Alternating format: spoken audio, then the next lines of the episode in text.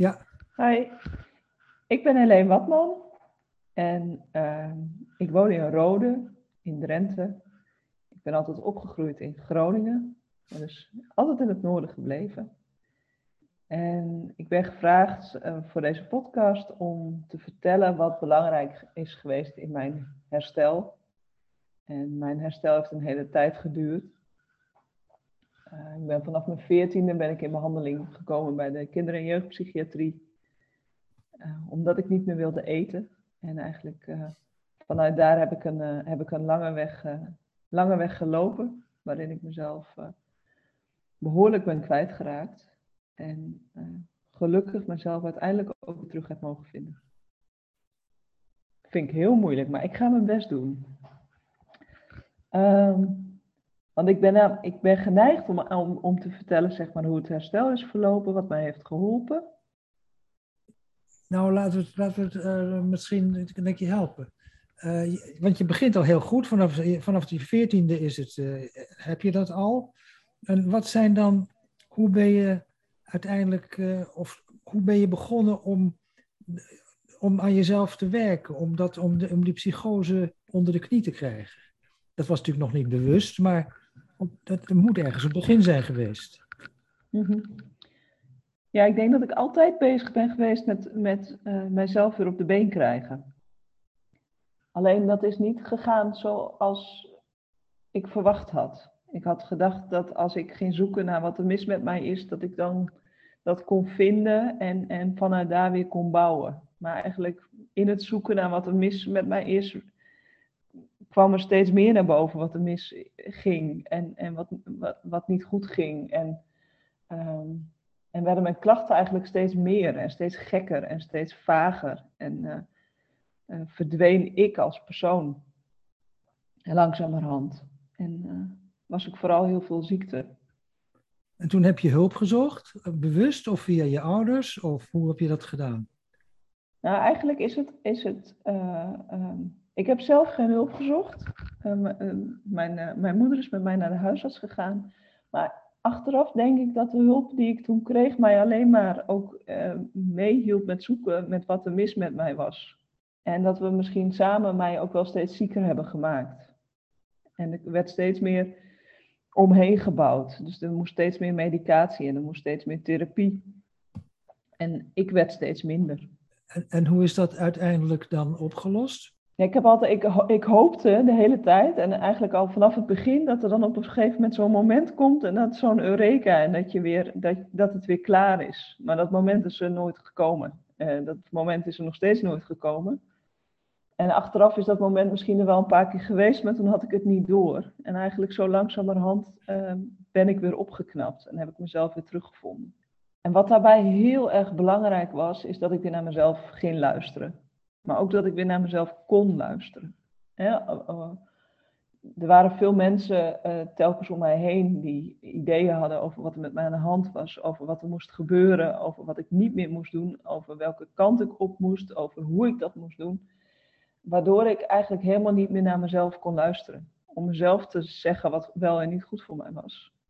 Het enige waar ik op een gegeven moment heel goed in was geworden, is vooral niet doen wat een ander zei dat ik moest doen. Maar dat gaf me een, een tegenovergestelde richting van wat de ander zei. Maar dat gaf me nog steeds geen richting van wat belangrijk was voor mij. Ik weet nog dat mijn, eerste, mijn eerste psychotische ervaring, ik denk dat dat mijn eerste is, of in ieder geval waar ik mij bewust van ben achteraf, is dat ik op een festival stond en iemand tikte mij aan. En opeens dacht ik dat diegene mij um, een stof had ingespoten. En opeens herkende ik veel meer mensen die daar ook stonden, die ook op die persoon leken. En zag ik eigenlijk een groep ontstaan. Uh, en waarin ik me steeds banger ging voelen. En uh, toen zag ik dat mensen vuur gingen maken. En ik dacht dat samen met de rook van het vuur en die injectie, dat ik op een gegeven moment zou verdwijnen en dat ze me mee zouden kunnen nemen. En ik weet nog dat ik mij vasthield aan mijn vriendje die daar ook stond. En die zei, wat doe je gek, hou eens op. En ik kon hem ook niet vertellen waarom ik hem vasthield. Maar ik was, ik was echt, ik was hartstikke bang. En achteraf denk ik van, hé, hey, toen, toen is het eigenlijk begonnen. Uh, En dat ging wat in buien. Dus het, het was dan een paar dagen dat het erger was en dan werd het weer wat minder en het ging wat heen en weer. Alleen daar eigenlijk in die, in die golven zakte ik ook steeds verder weg. En werd het, als, ik mijn, als ik mijn ouders hoor, wat, wat, wat zij vooral, mijn, wat mijn moeder vooral zag, uh, was dat ze steeds minder goed verbinding met mij kon maken. Dus we konden het nog wel hebben over wat we gingen eten. Maar hoe het echt met mij ging en elkaar daarin ook voelen, dat lukte niet meer. En toen heeft jouw moeder jou meegenomen naar de huisarts? Nee, dat was, dat was al ver daarvoor. ja, dat is later natuurlijk gebeurd. Ik ben in, in de hulpverlening ben ik heel ziek geworden. Ik gleed eigenlijk door de, door de handen van iedereen die mij wilde helpen, gleed, gleed ik weg. En wat ik uiteindelijk op mijn uh, rond mijn 18e, 19e ben ik, ja, heb ik besloten dat niemand mij kon helpen en ben ik op straat gaan leven.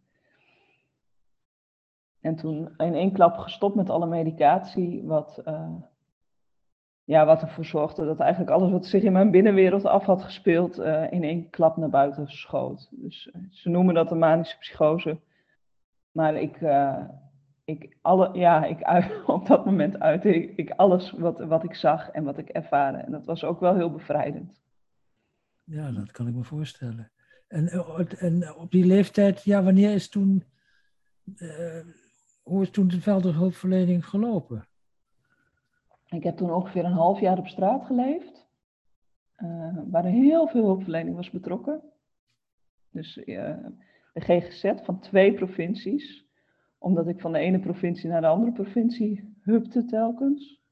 En Leger des Heils en de verslavingszorg en de GGD en de politie. En, uh, en iedereen probeerde eigenlijk contact met mij te maken. Alleen merkte ik dat elk contact wat er gemaakt werd ook vaak weer consequenties had. Dus als ik, als ik, uh, als ik erop inging, dan, was het vaak, dan, dan hing er altijd weer wat aan vast. Dus dan moest er of een vervolgafspraak komen, of ik moest medicatie nemen, of ik moest mee, of ik... Uh, het leger des Hels, die, bracht mij elke dag uh, broodjes met fruit. En dan gingen ze weer verder. En dat was, op, dat was voor mij uh, ja, een, vertrouwde, een, een, vertrouwde basis. En, waar, en je woonde nog steeds op, op straat? Ja. Daar sliep je ook onder bruggen of, of had je een bepaalde plaats ergens? Ja, ik, ik, uh, ik sliep vaak bij mensen thuis. Dus ik, ik, uh, ik ging van hot naar her. En achteraf is dat best gevaarlijk geweest natuurlijk. Nou, en toen kwam er toch nog een andere stap op een gegeven moment. Je ja, bent ik ben toen uh, ik, uh, op een gegeven moment, en, en achteraf denk ik, hey, volgens mij was de grootste storm ook wel weer gewaaid. Ik, ik, ik dacht op dat moment, of in die periode, uh, had ik eigenlijk had ik een, een heel groot uh, waansysteem ontwikkeld dat ik undercover was van de KGB en, en dat ik Ehm, ja, wel een, missie had. Dat ik, dat ik sociale ongelijkheid heel erg kon zien en herkennen en kon aansturen. En ik mocht geen schoenen dragen. Ik had allemaal uh, regels die, dat, die, die in ieder geval mijn idee toen, toen bekrachtigden. En uiteindelijk ben ik de stad uitgegaan en ben ik de ruimte gaan zoeken. En in Delfzijl op de dijk uh, heb ik een, uh, is er een huis gekraakt toen voor mij. En daar heb ik een paar maanden gezeten eigenlijk in die ruimte werd ik alweer veel rustiger.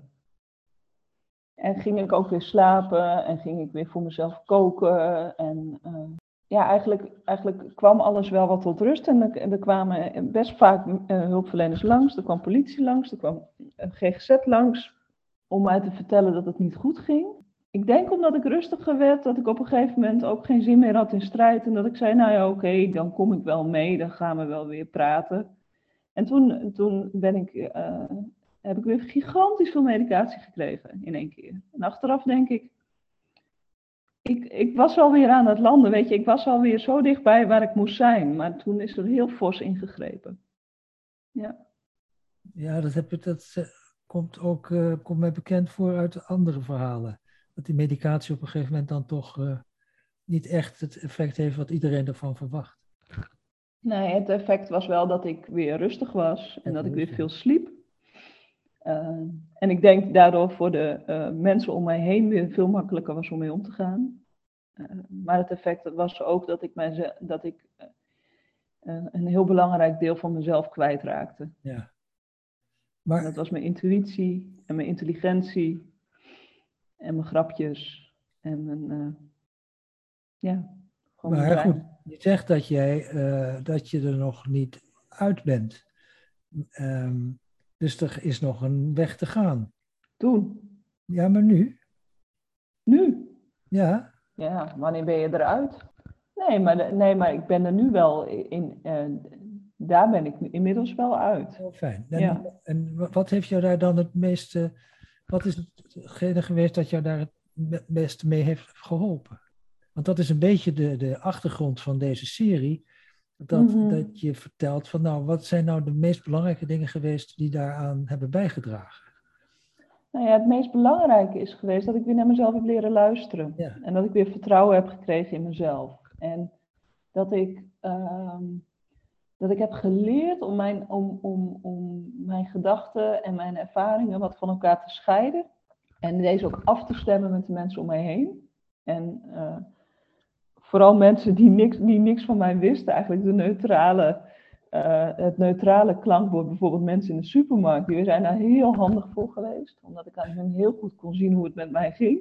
Ja, als mensen afstand van me namen, dan ging het blijkbaar niet zo goed. En als, mensen, als, het, als ik vrolijk was of, of helder, of, dan kwamen veel mensen makkelijk naar me toe. Dan was er een praatje of een, uh, een grapje. Dus, dus daarin, dat, dat hielp mij ook wel heel erg om weer en mezelf weer kunnen voelen dus. En voor mij heeft, heeft dat betekend dat ik, uh, dat ik medicatie ben gaan afbouwen. En dat had ik vaker gedaan. En dat is ook heel vaak misgegaan. Uh, wat voor mij het grote verschil was hierin, is dat ik deze keer niet het doel was om die medicatie af te bouwen, maar het doel was om mij beter te voelen. Hmm. En dat gaf mij een, een puurdere richting en een motivatie.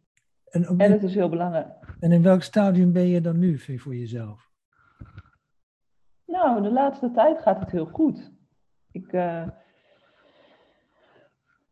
ja, er is weinig meer dat ik uh, uh, op dit moment wat, wat mij belemmert. Mijn klachten zijn momenteel eigenlijk niet aanwezig. Ik, ehm, ik heb traumabehandeling gehad.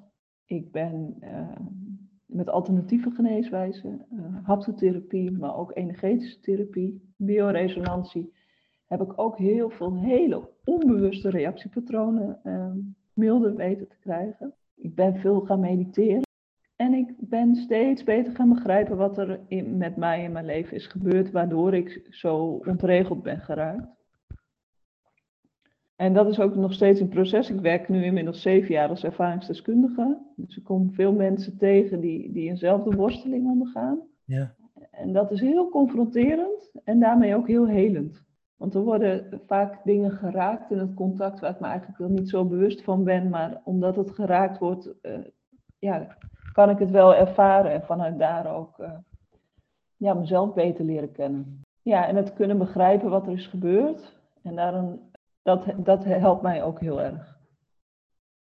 En ik merk zelfs dat waar ik eerst nog geneigd was om te denken, hé, hey, die periode dat ik op mijn blote voeten op straat liep, toen was ik wel een beetje gek. dus eigenlijk wel, dat was, dat was wel ziekte, zeg maar. Is dat langzamerhand voor mij ook logisch geworden dat dat mijn reactie was. Dus eigenlijk ook helemaal niet zo gek wat ik toen deed. Nee. Al was het wel helemaal uit de context en helemaal uit perspectief. En in jouw verhouding met andere mensen, is dat, uh, dat is op het ogenblik helemaal goed? Is dat heel slecht geweest is, en is dat nu een stuk beter? ja, verhouding met andere mensen is denk ik altijd een dynamisch samenspel. Ja. En ik zou, ik zou liegen als ik zeg dat dat altijd helemaal goed is.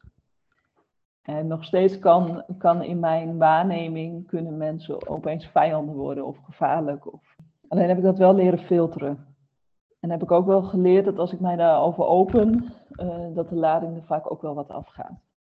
Ja, maar de mensen die uh, om mij heen stonden, die, die in die periodes uh, al in mijn leven waren, die toen heel ver bij mij vandaan waren, uh, gevoelsmatig, uh, die zijn weer veel dichterbij gekomen.